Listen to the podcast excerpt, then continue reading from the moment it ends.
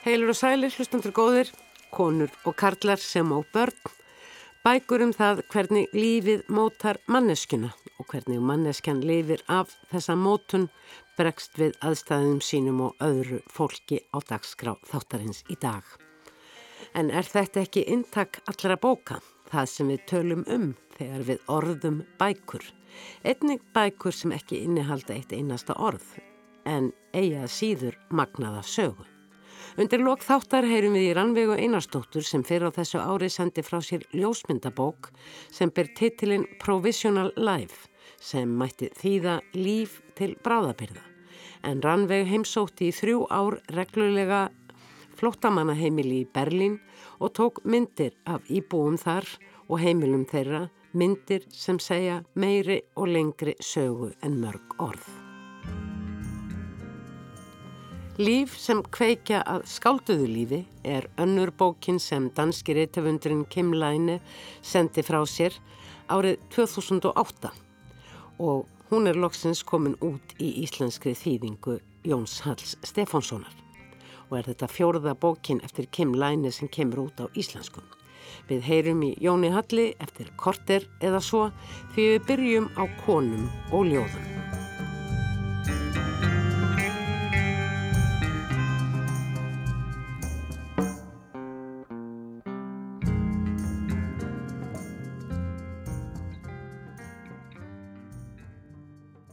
Dag er 7. mars og morgun því 8. mars, alþjóðlegur baráttudagur Kvenna. Að því til er nýstanda menningar og friðarsamtök íslenskra Kvenna fyrir ljóðakvöldi á lofthostel í bankastræti, þar sem allmargar skáldkonur, orða og tóna flytja verksi.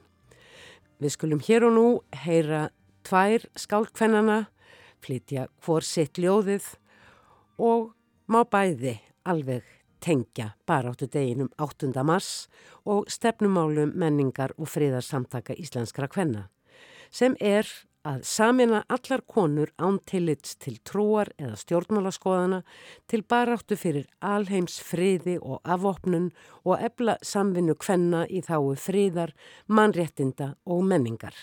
Fyrst frelsi, Linda Viljámsdóttir. Á milli hímins og jarðar er allt eins og þar stendur skrifað. Á milli upphafs og endis er lífið, holdið og blóðið milli fæðingarinnar og döðans. Frelsið á milli myrkus og ljós. Milli hímins og jarðar, vatnið og eldurinn. Allur sá skilningur sem á lesa í orð eins og eppli moskutnar, kirkjutnar, musterinn, hofinn, turnin, steinnin og sandurinn. Við höfum markvaldað orðið á jörðinni, markvaldað virkinn millir hímins og jarðar, markvaldað guð, markvaldað hláturinn, grátinn, hatrið og græðkina, markvaldað allt millir hímins og jarðar, allt nema geskuna. Við höfum markvaldað frelsið til að strýta, til að eta og drekka og fagna. Markvaldað frelsið til að afmarka stundina, frelsið til að grafa okkur lífandi í moldina. Við höfum markvaldað frelsið til að grafa okkur lífandi í túninu heima. Og nú Björg Þorgrimsdóttir, ljóð án titils, upptakan gerð á ljóðakvöldi Svikaskalda í Gröndalshúsi í februar síðastlegin. Dönsum gladar í frostinu. Ekki eftir uppskrift heimamanna heldur finnum gleðina að fljóta út frá hjartanu inn í fingur og þangað sem leiðin liggur. Hún liggur alltaf leiðin en það er ekki hægt að segja að við komumst neitt heldur kemur hún okkur eitthvað og undan blaðinu kemur þögn. Hláturinn ungbarnatær í heilaberkinum, sjáumst í útkverfunum, fljót og báturinn siklir í næstu höfn og þar næstu og hann leggst ekki að landi fyrir en þú ert búin að segja mér allar sögurnar. Hlusta þegar þú teflir skák, horfi á meðan þú opnar hurðir, byrja á öllu, líkur við allt. Láti þau vera bláu blómin uppi húsvekkina. Við komumst áleiðis án þess að snerta við neinu. Viltu efna með mér lofórð áður en við skiptumst í tvent? Það ríkir skilningsleysi um það sem skiptir máli í leindarmál í tungumál. Ef þú trúir mér ekki, þá skal ég borga þér alveg þar til þú trúir mér. Björg Þorgrimsdóttir flutti hér ljóð án teitils en þær Björg og Linda er í hópið þeirra ljóð og tónskálda sem í tilefnu alþjóðlegum baróttu degi Kvenna á morgun þann 8. mars koma fram á samkomi menningar og friðar samtaka íslenskra kvenna á lofthostel í Bankastræti.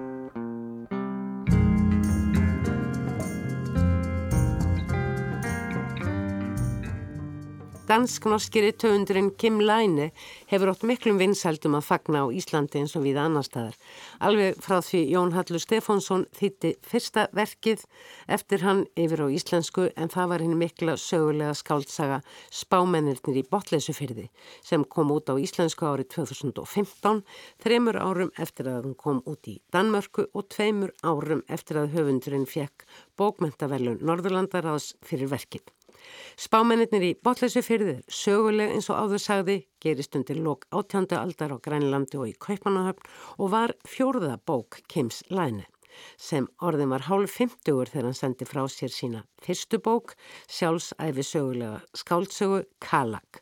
En svo kom út í íslenskri þýðingu Jóns Halls árið 2017 og strax árið eftir kom svo nýjasta bók Kims Læne út í íslenskri þýðingu Rauður maður, svartur maður sem einni gerist á Grænlandi en rúmlega hundrað árum áður en spámennir.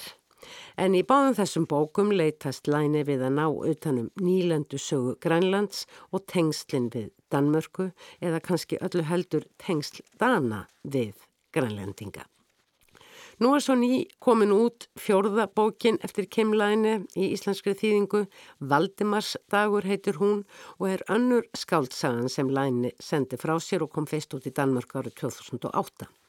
Valdimars dagur er að sínuleiti söguleg líkt og fyrirbækur lænes. Hér segir hann sögu afasins með aðferðum skáldsögunar. Nafn bókarinnar vísar til svo kallas Fánadags 15. júni En á þeim degi árið 1219 á danski rauðkvíti fánin að hafa fallið til jarðar í orustu Valdimars Sigur Sæla Danakonungs í Íslandi. En þetta er líka dagurinn sem ungur maður að nafni Erik Rasmussen hefur ákveðið að drepa mann. Lars Björnstræði 24, miðgudaginn 15. júni 1938. Erik vaknar sveittur í þölurúmi sínu. Erfiðar drömfarir hafa hrakið hann til og frá og lagið liggur í kuðlu við fótagaflin. Gormatnir í dínunni rekast upp í bakið á hann. En hann hefur þó ekki vaknað við þetta. Hann liggur kyrr og lifir augun með venja spyrtunni, sér loftlöð herrbyggsins skýrast. Svo klingir bjallan í dyrum tópasbúðunar á neðrahæðin aftur. Klukkan hlýtur að vera nálga sjö. Hann sveifla fótleikinu fram á rúmsóknum, hallast sér að hálfafnum klukkanum, liftur gardinni. Á rúðinni sést skán af reiki og sóti í sólskinninu. Hinnum en við göduna er dreif fyrir alla glukka. Konurnar í landfórni svo kullu vinna lengi fram eftir og vakna seint. Hann þekkir taktskiptin í tilveru þeirra, sér þar ofta náttkjólunum og kótum og er strax búin að læra hvað er heita. Flóra, Lóló, Rósa. Og svo er ein ung og naflös með augrandu augnaráð, rauðan munn og nýjar tennu sem hún er auðlust fengið í fermgagjöf. Fyrir nokkrum dögum sá hann hann að taka þær út úr sér og skóla hundi vastælinu við brunnin. Síðan rækt hún og stakk tangarðunum aftur upp í sig. Höllt er hún líka, hagri fótleikurinn stífur eins og stólpi. En ung, föl fyrir fáina túkalla og þýlikur munnur, tannlausir góma, sterkar varir, störfáturinn minnir hann á aðra stúlku. Hann var alveg til í að negla hana, en hann heldur sig frá gleðukonunum hér í gödunni. Sterparnar í nýhjöfnar er flesta hreinleiri til munns og handa en párkonunnar í hlandforunni. Þar að ekki hefur hann öðru að sinna. Mjölkur keira skrönglast upp guðunni átt á nörru vol. Hann heyri flöskuglamur, glas af kjallarakaldri mjölk. Og svo síkartu, milda og kryttaða. Ekkur til að hressa sig, en það voru að býða. Hann er með peningi vasanum, hann sóti það sem hann átti inni á gjaldkerðanum í gær, haldt annað hundar króna, stór fjö. Og hann hefur ekki nefn örfáar klukkustundir til að eigða þeim. Eftir það kemur það út á eitt. Hann tekur upp vasárið, langt gengin í sjö. Vakhe lofaði að koma við á hann að færi neður á alarm. Hann verður sennilega komin rétt yfir heilantíman. Er ekki vissum að hann komi til að leita lausnar, en er ekki búin að finna lausnina. Hún liggur í efstu komuðu skuffunni við fótagaflin á rúmunu, glampandi fín. Þetta er blílóð úr borgundarhómsklöku, þungt með kvössum brúnum. Hann hefur bundið um það snæri með lekju til að stinga hendin í. Hjarsláttur hans örfast við tilhugsunina um lóðið, eins og hann sé ástfóngin. Já, Jón Hallur Stefánsson, þú last þarna blá upphafið af uh, nýri bók í íslenskri þýðingu eftir Kim Læni. Þetta er reynda svolítið gömul bók, þetta er önnur bók höfundar. Emitt. Og uh, að sínu leiti einhvers konar framhald af fyrstu bókinni sem að var Kallax sem að kom út fyrir hvað þremur árum í íslenskri þýðingu. Já, alltaf ekki. Og fjallar um lífsögu hans sjálfs, Kims Læni, en hér er það Avans sem er í brennidepli og uh, þegar ég byrjaði að lesa bókina sem hefst á þessu og það sem að kemur fram að það er ímislegt sem þessi dagur hefur upp á að bjóða í lífi Eriks Rasmussens en þá hefur hann á þessum degi öðru að sinna. Og það er bara hvorki meirinni minna heldur en að myrða mann mm -hmm. sem hann og gerir. Og síðan gengur hann út í hið nýja líf þar sem að þessi maður er ekki lengur til staðar sem hann vildi að væri. Og mér var að hugsa til sjónvarserju sem var eins og í sjónvarpinu um mann sem var ásakaðu fyrir morð og var á stöðugum flótta ég held að serían hafi heitið á flótta Var ekki bara flótta maðurinn? Er ekki að tala um hann? Nei, ég held ekki. Kanski hétt hún það. Mm. En alltjönd var það vittlesað. Þessi mm. maður er ekki á flótta heldur er þetta í rauninni stílbrað frá höfundarins hendi, Kim Læne, að láta hann lappa út og án þess að gefa sér fram sem hann hafði nú uppháðlega ætlað sér og vera bara á vappu um kaupanahöfn. Þannig gefst honum tækifæri til þess að höfundunum þarf að segja, Læne, að segja sögu þessa manns, Avasins, Eriks Rasmussen. Já, mitt, það er alveg rétt að allavega sangat frásögn, frásögn af hans sjálf sem að, sem að leta eftir sig handrið það sem hann, það sem hann hérna, reykur æfið æfi sína, það sem, að, sem að þessi bókinu einhver, einhver leiti byggða á þá gefur hann sér fram eins og, eins og hann talar um í bókina hann alltaf gera en, en hérna Kim Lann hefur, hefur séð sér leikaborðið þetta að spenna hann hann boga hann tímir ekki alveg að gefa sér fram af því að nú verður lífið alltaf eins og dýrmætt og það er mjög skiljanlega svona mannleg hugsun sko, sem sagt að hann er reyðbúin að Veit hann gerði eitthvað ránt, mjög ránt og munverðar efsað. Já, já, en uh, afinn í raunveruleikanum og, og afinn í sögun, þú veist, það er Í raunveruleikanum þá, þá var, ég getum sagt svona, eh, ofinbæra umræðum fór mjög mildum höndum um, um ennan mann. Þetta var romantísar sem svona ástriðumorð og hann myrðir, hérna, elskuða konar sinnar og og hérna hver myndi ekki gera það hérna, móður sonar sinns sem er fadir Kim Slæni vantanlega Já, nákvæmlega, nákvæmlega. En uh, Kim Læni sko rýfur ón þessari, hérna, hann gefur hann ekki þennan glamur sko, alls ekki. Hann náttúrulega er mjög miskunlega þessu persónuna sína en hann fer alveg inn í þér og, og mann finnst að hann fari inn í afan eins og hann væri hans sjálfur sko og gefur hann eitthvað af sínu eigin rótleysi mm. og, og sagt, svona, þe þeim persónleika sem við kynumst í, í, í, í Kalag sko og, og kannski, þú veist, kannski er hann alltaf einhver leita hérna hann kennst aldrei allar leið frá sjálfum sér sko en, en, og hann veit það líka sjálfur. Þetta er mikil karlmennsku bók eins og Kalag er að sínuleiti líka. Já. en konurnar gegna auðvitað miklu og stóru hlutverki. Og þetta er bókum hvernig við umgöngumst, hvernig við lærum að lifa með þá brennandi ósk í brjósti að ráða, að hafa völd og þetta gengur mjög mikið út á valdabaráttu á milli Eriks af hans sem sagt því við förum alveg aftur til bensku hans og mm. föður hans já, já, og foreldra millir hans og eldri sýstur hans Fanníjar mm. og síðan áfram þegar hann fer til sjós þá er náttúrulega þar ákveðin um, metorðastígi og ákveði herarki en hann finnur sér leiðir til þess að eblast stöðugt að völdum og virðingu með því að, að standa sig vel, styrkja sig, geta ímislegt sem aðri get ekki. Mm -hmm, já, þetta er skaplega aðtöð hér og, og á bakvinn alltaf kannski valdabarðan líka er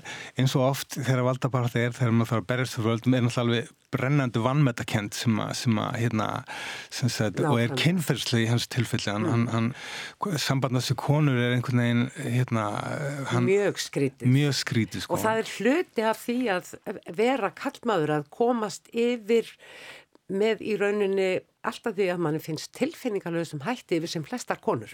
Já, hann, hann, hann fær valda, valda svona valdeflingu sem hann átti þar hérna, af að hafna sko.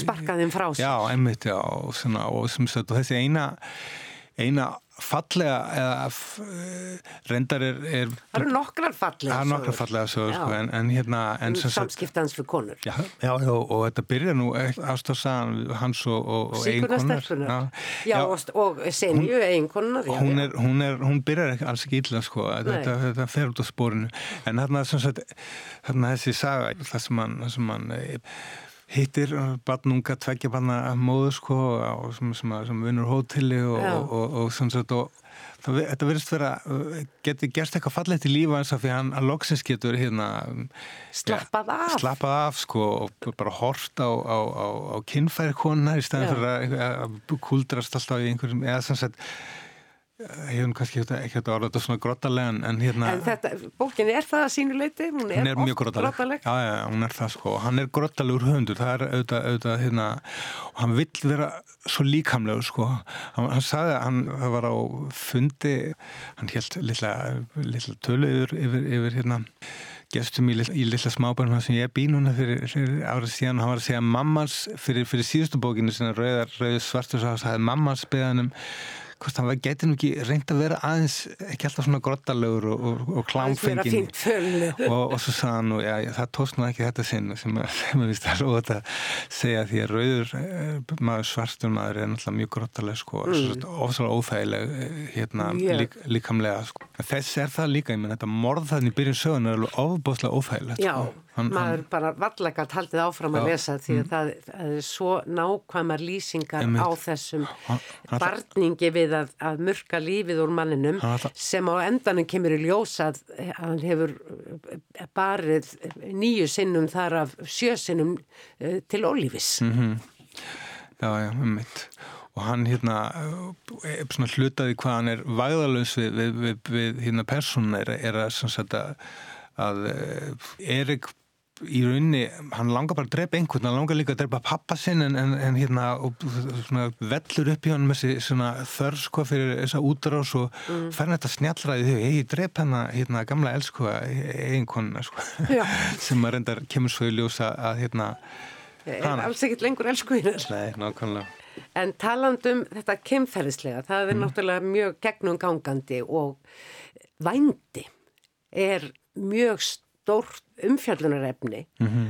og uh, manni finnst bara kaupmanna prennilega á heimurinn næstum allur vera eitt allsherjar vændishús. Já, þetta er, þetta er hérna Ég hef, hef nú algjörlega tilfengur hann að hafi dokumentærið sér vel þarna sko. Já, ég, uh, mér minnir um að ég hafi lesið það líka, hann hafi fengið sagfræðing til þess að staðfesta svona eh, megin drætti mm -hmm. í, í því þeirri mynd á kaupmannup til dæmi sem, hún, sem hann dregur upp og það er mjög gaman að ferðast þarna um myrkustu kema kaupmannahafnar eftir gödum og strætum og torgum sem að kannast svo vel við í dag mm, og það held ég að sé líka sko, hafi við að, að segja efni og heimildum að, að það er líka hann svona frjálsar ástir hérna sem þetta er hérna alveg upp á tegnum sem, sem hérna fólk er hérna í svona einhverjum hóp sko sem að, verður svona ör skipti út á, á hérna Já, strandlífið Já, strandlífið sko.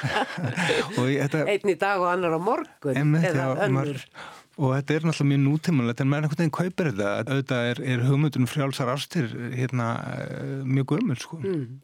Já, það gerist á svona viðsjárverðum tímum í, mm -hmm. í Evrópu, hvort sem það er rétt tímasetning eða ekki, um það leiti sem að e, heimsturveldin síðar er að brjótast út. Ég held að tímasetningi sé alveg rétt sko mm. og hérna og Sögulega rétt. Já, og náttúrulega bókin spannar auðvitað í rauninni alla æfi, efi hann sko en síðan hann nefnir mm. komið á fjörða ártögin þegar að hérna. Þegar að ótaðisverkið er, er framið en mm -hmm. svo förum við alveg fram til þess að, að lífið hans nánast líkur. Já, um, algjörlega. Eriks Rasmussen. Og, og, og þetta er flott svona, uh, hann dreifur svona, svona frásanlega kanninu på hattinum að skjóðast upp kollinum sem, sem persóna í lokinu sko. Hann sjálfur, Kim Læni. Kim Læni og hittir afastinn, þetta, þetta, þetta er mm, svona fallegt sko. Mm. Og hérna, gengur í jakkanum að eitt, eitt sumar um, um hérna, stræti nýjunda árþöðarins. Mm. Kim Læni er stórkostlega flinkur í að draga upp svona breyða mynd af tímaskeiði þar sem aður fylgir ákveðnum oft bara fáum personum eftir þó það séu kannski margar personur í, í kringum viðkomandi mm -hmm. og við fáum mjög svona stóra uh, mynd og hann hefur einhverjar aðferðir til dæmis uh, gullúrið sem er svona gegnum gangandi til dæmis mm -hmm. þessi greiði sem hann gerir vækje tilvörandi fórnalambi sínu. Eh, það er alltaf eitthvað svona sem heldur sögunum saman og ég gerir á þeirra að maður gömgefið það í spámanunum í botleysu fyrirði eða í kallag eða rauður maður, svartur maður. Þá getur maður eh, eh, spottað þessa, þessa aðferð við byggingu. Mm -hmm. Já, hann er mjög, mjög flinkur höfundur, það er, það er alveg, alveg, alveg að reynu sko. Það er náttúrulega bæðið þessi, þessi hérna, stíl sko, hann hefur, hann, hann hefur stíl sem að einhvern veginn hann bara, hann kvikna hann svona kerður áfram. Emitt, ah. og uh, maður kvikið strax hann hann svona intense sko, og, og, og sem sagt uh, nær tilmætt svona. Þótt þetta sé ísköld frásugn í sjálfsög, það er engin tilfinningar sem er hann og það er nú eins og í, eins og í Kalag sko, mm. hann, hann, hérna, hann, hann talar um hróttalega hluti og erfið lífslaup og með það er aldrei neginn tilfinningasemi aldrei Nei. og aldrei neginn svona yfir dramatík, aldrei melodrama Nei, hann, hans, hans yfir dramatík er að undir dramatík undirspilað sko hmm. Hvernig er að eh, þýða þessa texta? Nú er þetta mjög ólíkir tekstar til dæmis eins og spámanetin í botleysi fyrir því og þessar sjálfsæfi sögulegu bækur einhvern veginn er þannig að, að, að, að ég hef næst sambandi við hann um leið sko. það er komið bara einhver svona strengur kimlænistrengur í, í, í með hann að ég hérna Sagt, hann liggur rosa vel fyrir mér og mér gengur alltaf uh, mjög vel að komast í gegnum þessa bækur. Það er, mm. hérna, jafnvel í hérna, eins og þessum sögulegu skálsögum hérna, sagt, uh, grænlands, þessum tveimur bindum úr grænlands trilogíinu mm. hann, hann er um að skrifa þriða bindi núna. Sem er til viðbótar við rauðumadur, svartumadur og, og spámanina nákvæmlega, svona sögulega skálsa hérna, ég hitt hann um þetta bensinstöndaginn algjörða til og sagði mig það að myndi klárana 22 En hans höfundarverk er, má eiginlega rauninni skipta í tventa. Annars vegar þessar uh, sögulegu skáldsögur um Grænland og grænlenska sögu, samband nýlendu herra og nýlendu þjóðar og hins vegar þetta sjálfsögusögulega. Hefur hann skrifað? Já, reyndar hefur hann, hann er ótrúlega dúlegur höfundur, alveg fáranlega dúlegur því að hann hefur fyrir utan þetta er, hefur hann skrifað sko samtímasögur eh, hérna sem gerast á Grænlandi hann er nýbúin að gefa út um, Dans Standard sem er, er hryllingssaga sem gerist hann bara í dag sko, og hérna hún er mjög grótaleg líka og síðan hérna gaf hann út hérna fyrir freka fáum árum saga sem heitir Ákónin Hildýpið eitthvað Já, einmitt já, sem að fjallar um uh, tvíbura sem að, sem að eru í, taka þátt í Finnlandstriðinu Já, ég, ég minnist þess að hafa heyrt um þá bók. Hún er, hún er uh, vel skrifið eins og allt sem hann gerir sko, hún, hún svona Já, þegar ég lasa það fannst mér hún, þá þurfti ég að lesa alveg bara fram yfir hérna, eftirmálan til að vera samfærið með hún hengi saman sem frásönd sko, það það er svo mörg ólíki elementi í, hérna, í, mm. í gangi mm. og, uh, og síðasti hlutinni þeirri bók er nú bara með því óþægilega sem ég hef lesið þá, þá, hérna, þá sem sagt hoppar hann aftur til Finnlandstríðisins og segir ykkur frá því sem ekki var sagt í, í, í fyrsta hlutanum sko. en þessi bræður þeir, þeirra örlugur mjög mismunandi, annað er að verður, verður bladmaður og, og, og svona baráttumæður fyrir, fyrir réttundum fólks, mm. meðan hinn sem að hefur hérna, farið já, sem sett Finnlandstríði hefur eðlat hann miklu, miklu meira sko. mm. hann hérna verður læknir Eh, kannski til að berjast gegn hérna, tilhengu sem hann hefur til að drepa hólk en, en hérna það sem satt tekst, tekst ekki. Já, hann er nokkuð einstakur höfundur í dönsku bókmyndarlífi nú um stundir, er það ekki? Jú, hann sagar allt önnur en, en flestra annar, ég meina flestir eh, fari í reithöndaskólan já, fari í reithöndaskólan og, og, og koma allavega úr, úr svona reithönda umhverfi eða, eða svona, getum sagt, svona borgarlegu mm. menningar umhverfi, getum sagt. Eða þetta eru undatenningar því og, eins og er alltaf og það er, það, það er þetta. Hann, hann er allavega eina af þessum undatenningum og, og hérna eins og, eins og við getum fræðstum fræ, í Kalak hann, hann, hann kemur hérna úr, úr En um leið er greinilegt að hann kemur að einhverju leiti, það er einhver rittöfundar taug í hans ætt. Einmitt. Við fengum að vita það um föðurinn í Kallag mm -hmm. og nú ert þú að segja okkur að afinn hafi líka verið þungt haldina þessari, þessari skrifta þörf. Ja, hans þörf er kannski meira að, að, að gera sína sögu aðeins uh, sko. meira aðlæðandi. Já, kannski og, og svona svona Já, finn, hún finnst sjálf um að Mart hafi drifið af sína daga og þau þurfa að koma því frá sér. Og hann, hann, hann er mjög skemmtilega gerð persóna sem sagt maður, maður sér hann að gamla mann hérna í lokin sko sem er drifin áfram alveg að sömu þráhyggju og, og hann er hérna í, í, í, í þeirri sem ungur maður. Já, og þú veist og, og byrjar að lifta lóðum og, og, og, og hérna taka armbegjur, hann deyr hann að fer fjarta áslæðat á þannig að taka 1500 hérna armbegjur sem hann gerur hverjum degi.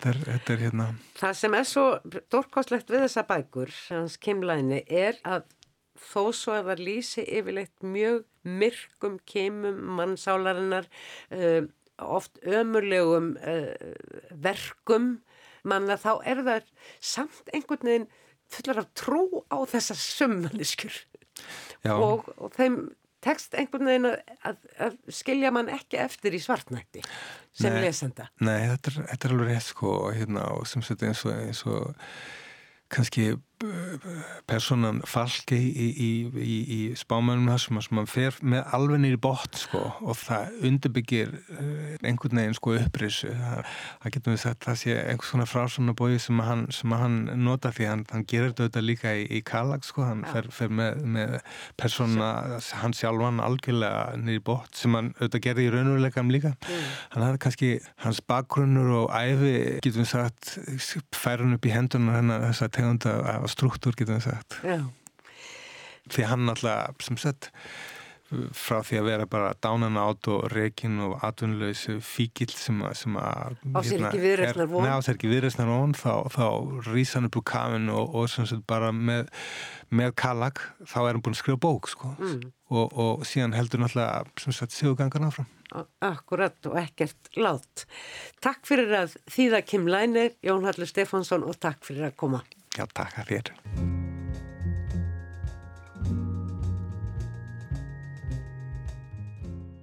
Rannveig Einarstóttir er félags sálfræðingur og ljósmyndari sem hefur verið búsett í Berlín um árabil. Nýlega barst mér til eirna að Rannveig væri stött hér á landi meðal annars til að koma á framfæri bóksinni Provisional Life eða Líf til bráðabyrða. Í bókinni er engin eða öllu heldur afar lítill teksti, nokkur formálsorð, En eiga síður er bókin full af mögnuðum sögum. Sögum af fólki sem nú er staðsett í Berlín á svo kalluðum flóttamannaheimilum. En vildi væntanlega allt frekar vera annar staðar, nefnilega heima hjá sér. Í landið þar sem það undir sínu lífi á allra handana máta eins og gengur og gerist. Nú er hins vegar svo komið í fjölmörgum heimalöndum fólks að því er ekki vært þar vegna stríðsátaka eða annara hörmunga með tilhyrandi skorti og upplaust. En allt er þetta fólk, manneskjur eins og ég og þú, sem sækjast aðeins eftir einu. Venjulegu lífi við venjulegar aðstæður, hafa húsnæði, matað borða og að það geti unnið fyrir sér, notið heilbreyðistjónustu, sendt börnin sín í skóla og jafnvel farið í bíó eða á tónleika endrum og sinnum. Nær allar þjóðir veraldar þar sem sómasamlegur friður ríkir hafa lísi reyðubúnað til að veita ákveðnum fjölda flóttamanna skjól eða hæli.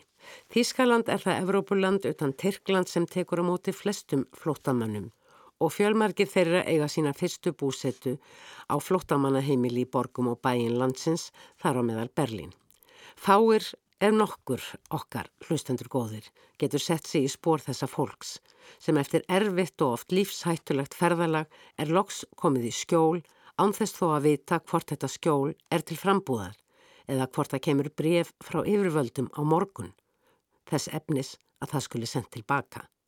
Reyndar hafa á síðustu árum byrst við tölvið flóta fólk og um fjallanur um aðstöður þeirra í blöðum og tímaritum og það var komið út bækur, jáfnveil íslenskar bækur sem opna okkur sín og vonandi skerpa skilning á aðstæðum flótamanna. Maður þann nefna bók Sigriðar Víðis Jónsdóttur, Ríkisfang Ekkert, flóttinn frá Írak á Akranes sem kom út árið 2011 og verdu ósynilegur flóttasaga Ismaels eftir Kristínu Helgu Gunnarsdóttur frá árinu 2017. Þá að einni á síðustu árum komið út allmargar þýttarbækur þar sem flótta fólk og aðstæður þeirra eru hluti af sögunni með einhverjum hætti. Hér fyrir fram að mig hef ég nú bókina Provisional Life og hér mér við hlið höfundin Rannveigu Einarstóttur sem notar ljósmyndir til að segja sögu flóttafólks.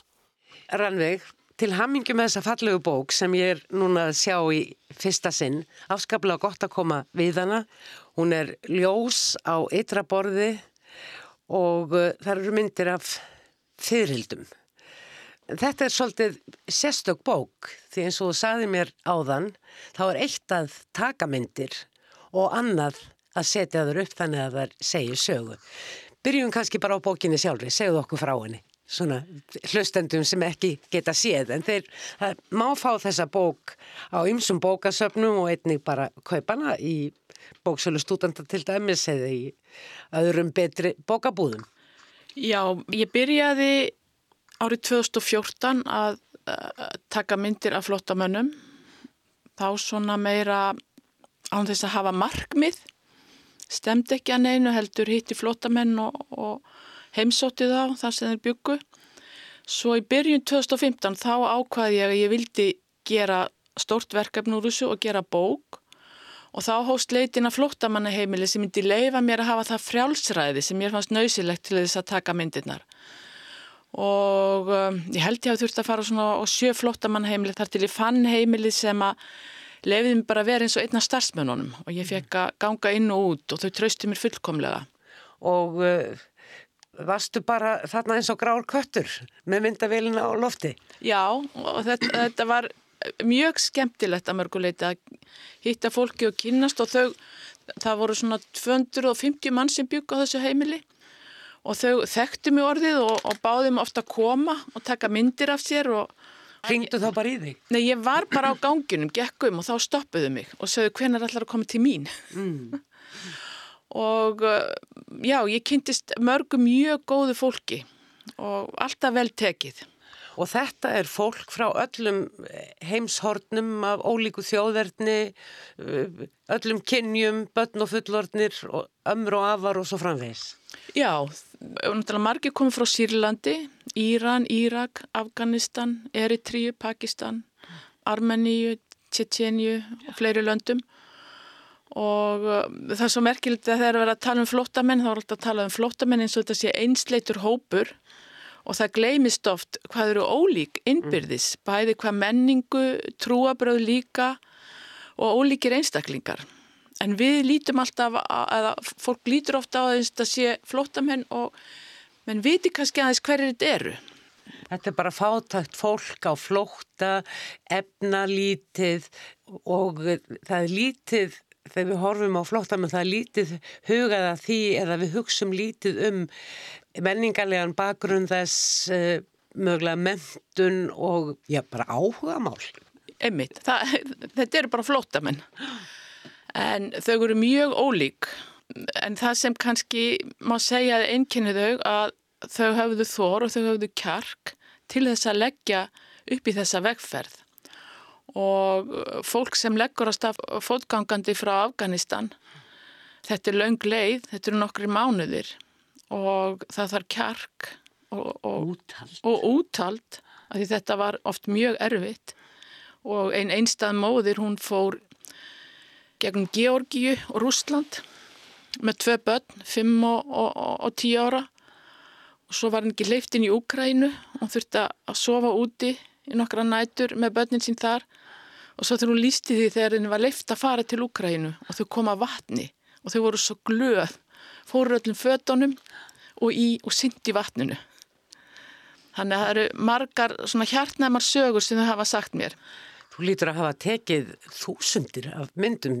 Eh, þetta tók auðvitað tíma, þetta snýst náttúrulega um að ná góðum samskiptum við þau og, og ná trúnaði. Og ná trúnaði, treysti mér að ég misnótt ekki myndirnar á einhvern hátt og eh, svo hafa þau auðvitað aðrar hugmyndir um hvað er góð mynd en ég. Þannig að oft tók ég myndir sem þau vildu fá og gafi þeim svo og svo kom að bara venjulegu myndum og þetta var ekki alltaf einfalt af því að stundum þurftum að tala án orða.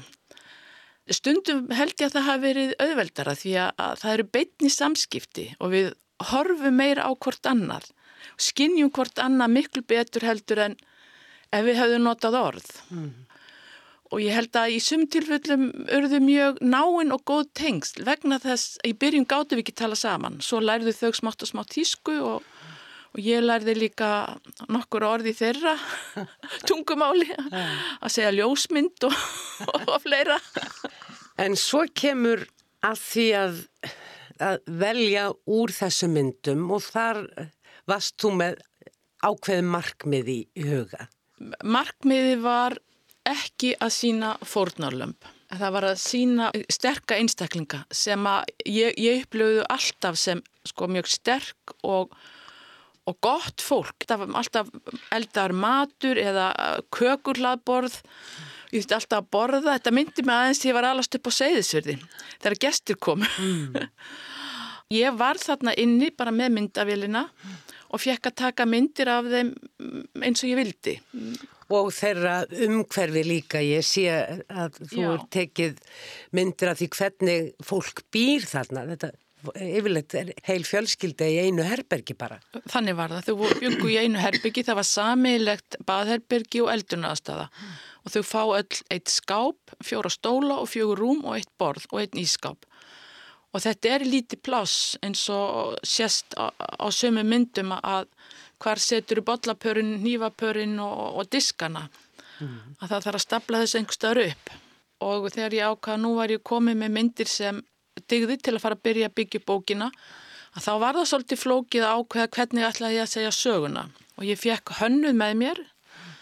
Sipp, hollenskur hönnuður, mjög góður og við rættum talsett mikið um þetta hvernig ætti að, að gera bókina og segja söguna. Og við ákváðum að byrja á smáatriðum og rýmunu þannig að það er ekkert fólk í byrjun. En þú finnur aðeins fyrir því hverjir eru þarna. Þú sérð botlana, þú sérð fötinn á þurkstandinum og að þarna er til dæmis á þessari opnu ákveðin þörf fyrir fegurð og lífi, það eru blóm í vasa. Já, og þau höfðu þetta ekki mikið pening en það var nota það sem þau höfðu til þess að skreita og fyririldi voru mjög vinsæl. Aha. Að þau límdu svona eins og sér hér á þessari myndi fyririldi límt á veggin. Ég held að þetta fyririldi væri eitthvað enkennis frá þér og kallaðist á við fyririldin á e, kápubókarinnar en e, fyririldi hefur greinilega frekari merkingu þessi fyririldi. Já, fyririldi eru þetta tilfinning fyrir frelsi og ef að þú fangar fyririldi að þá er auðvelt að sæða og meiða. Þau notuðu mjög oft fyririldi til þess að fegra hýbili, eða rýmið sem herbergi sem þið byggu í. Og það þetta var mjög þröngt. Mm. og þau voru mjög ofta að leita að því hvernig þau getu aðeins bætta, gert þetta aðeins betra. Það voru oft breytingar þegar ég kom, það voru búin að breyta rýmun aðeins til að gera það aðeins betra. Mm. og svo notað dót frá krokkonum til að skreita og miklu litríkara hjá, rýmið hjá þeim heldur en hjá okkur, mm. þau elska liti Þegar hér var komið í viðtælinu við Rannvegu Einarstóttur um ljósmyndabók hennar Provisional Life frá lífinu í flottamanna húsi, vorum við farnar að fletta bókinni sem er ekki hefbundin í venilegum skilningi þóttum sem með hörðum spjöldum í bak og fyrir, heldur taka síðurnar við hver af annari í langri lengu sem síðan leggst saman eins og harmonika á milli spjaldana. Fyrstu myndirnar sína eins og áður saði rýmið án fólksins. Og svo koma portréttin og þá var hugsun að hafa þau stór þannig að þú horfist í augu við þau. Þessi unga stúlka með, með sýstu sína er hér og þú og það eru svona ekki undan. Og það eru fáinir eh, svona stundum aðeins óljóst, eitt skór, snuttan á gólfinu Já. sem að gefur myndinni enn ríkari sögu. Einmitt. Og þetta skiptir miklu máli. Mm. Þetta undirstrykkar stúlkunna og, og sýsturinnar. Og svo er hérna einn svona ægilega fín. Hún setti þetta upp. Svona mikla blund, bleika blunduslæðu. Já. Hvað er hún? Átt ára? Hún er fjögur ára. Hún er fjögur ára. Já. En maður sér í augunum að þessi stúlka hefur upplifað ímislegt sem fjögur ára stúlka hér hefur ekki upplifað. Og svo þegar það kemur að myndum úr rýmunu, þá ákvæðum við að hafa tvær til þrjár myndir og misstórar til þess að undistrykka dýnamíkina í rýmunu. Hvað dvelur fólk þarna yfirleitt lengi að jafna því? Það getur verið í fimm ár. Þessi fjölskylda, þessi ungi maður og sýstir hans, þau eru enþá í flottamannheimlu, þau eru komið á annað heimil en þau voru. Þau eru þrjú sískinni, tveir allir sé ekki núna 21 og 23 bróðir hans mm. og hún er 8 ára líkla núna mm. og þau búi í einu herbyggi ennþá með fóröldunum sínum og þetta er auðvitað ekki auðvilt ungir menn að sofa í sama herbyggi fóröldra sínir mm. það er bara erfitt að finna húsnaði í, í Berlín og, og það er núna svartur markaður fyrir flottamenn þeir þurfa að borga undir borðið 3-7.000 eurur til þess að fá húsnaði og þeir hafa það fæstir mm. og hér sér maður hvernig hann, hann er að læra, sittur á gólfunu Símin aldrei langt undan en líka kjenslubókin Símin er mjög mikilvægur til að hafa samband við fólki sem er ennþá í heimalandinu og vita hvernig líður og, og, og sumirættingar eru á átakasvæðum mm. En þetta er óheyrileg námt í öllum daglegum aðtöfnum sama hvaða nafni sem þar nefnast og hversu engalegar aðtöfnir eru alltaf einlega innan við metri í næsta mann Já. í sambílinu.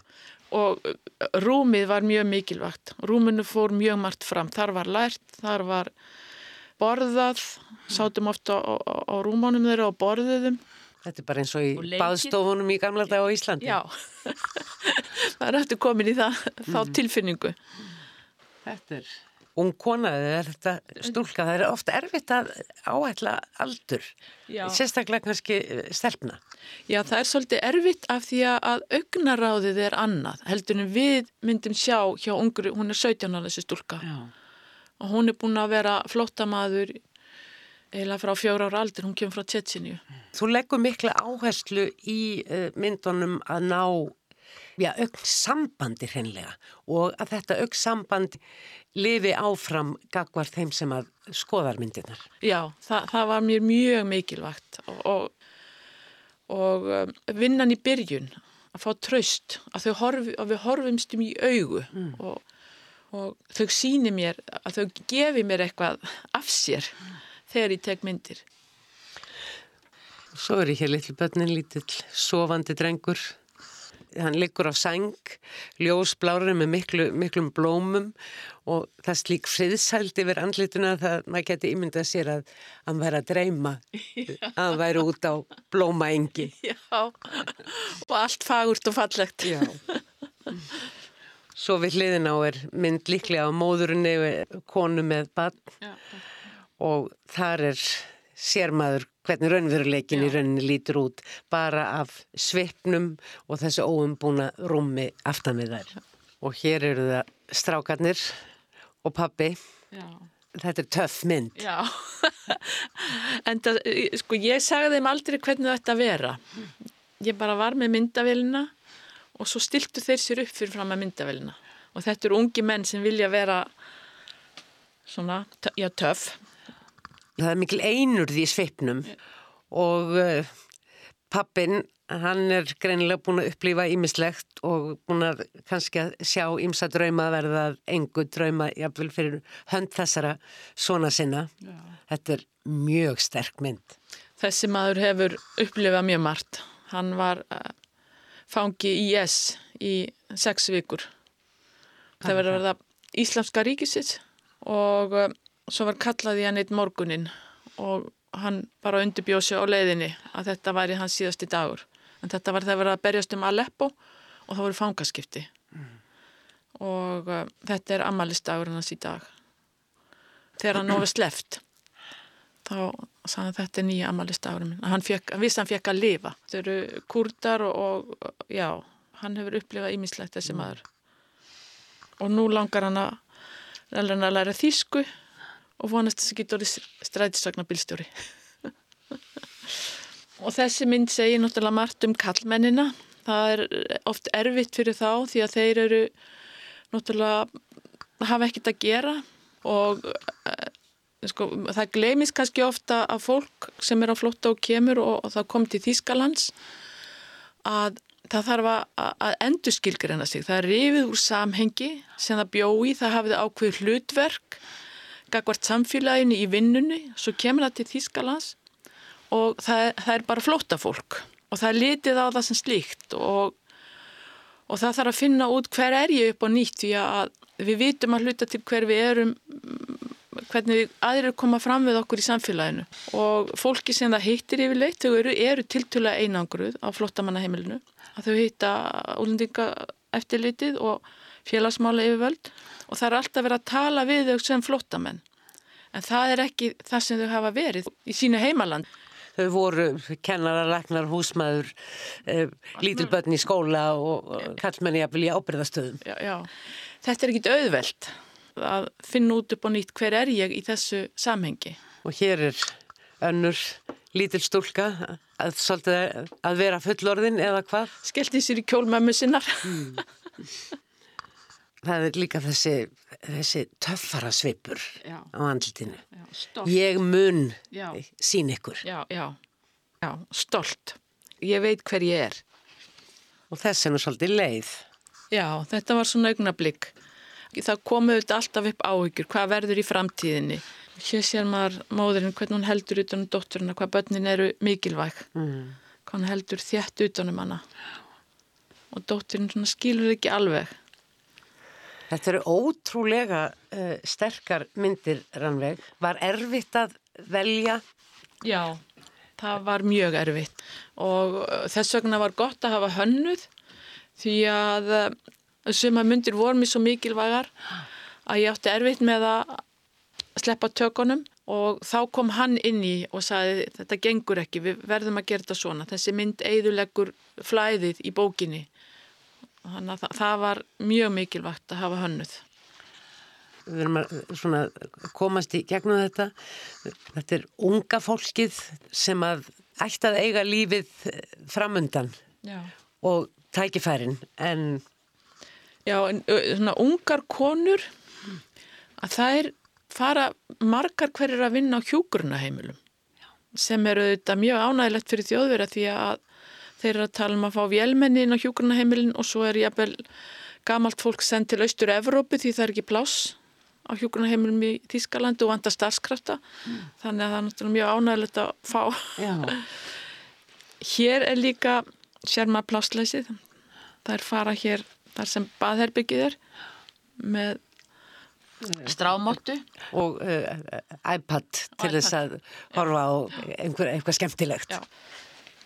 Og það er mikið dansað. Sérstaklega sílendingarnir þe- þegar mamman er elda matinn og þá dansa þau strákarnir líka. Og uh, er það músík í gangi? Já, já, já, já mjög háar músík og mikið fjör. Er þetta fyrsta svona ljósmyndabókin sem þú gerir anveg eða ertu búin að vera lengi að undirbúa þig undir svona þessa vegferð sem þú kannski vissir ekkert í upphafi að yrði? Já, þetta er fyrsta ljósmyndabókin og uh, já, ég vissi því ég byrjaði að taka myndir af flottamennum þá tók ég tiltölu fljótt ákvörðin ég ætlaði að gera bók. Var mér mjög mikilvægt.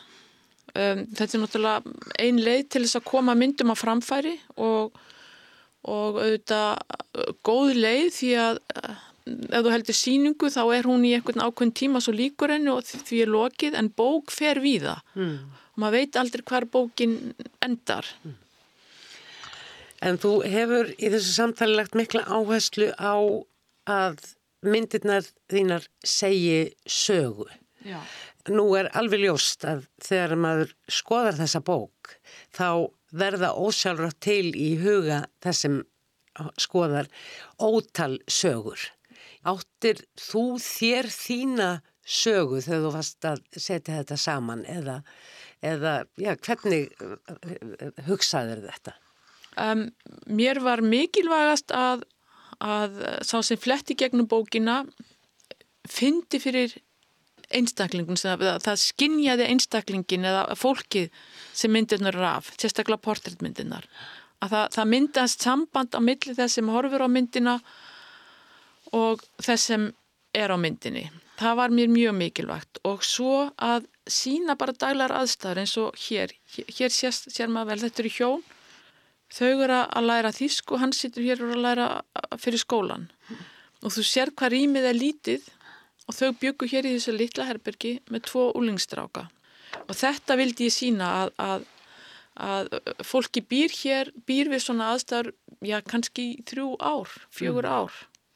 og veit ekkert hvað tekur við. Nei. Getur ekki unnið að því að bæta aðstæður sínar í rauninni. Nei, ekki og, og þegar að fólk kemur frá löndun sem teljast örugt að uh, þá á það alltaf vonaði að vera sendt tilbaka og pósturinn að það var eh, pósturinn kominn og það var alltaf óttinn að fá bref þar sem þeim var tilkynnt að þau eru sendt tilbaka Á hverjum degi. á hverjum degi. Og þarna er þetta þrjár vinkonur. Það eru, eru mjög góð, góða vinkunur og eru enn. Ég er í sambandi við þó nokkuð marga ennþá hitti og það var oft fjör á kvöldin. dansa, mikið dansa. Við eh, erum alltof hrættgakvart þessu fólki. Það, það eru alltof lítil samskipti. Já. Auðvitað hafa allir einhverja fordóma og það er, það, það er kannski ekki það vesta að hafa fordóma. Það hluti af kannski varnarkerfi einhverju. Það vesta er ef við drögum aldrei okkar fordóma í efa og endurskoðum þá. Ef við höldum að þetta sé sannleikur, að það er það alvarlega.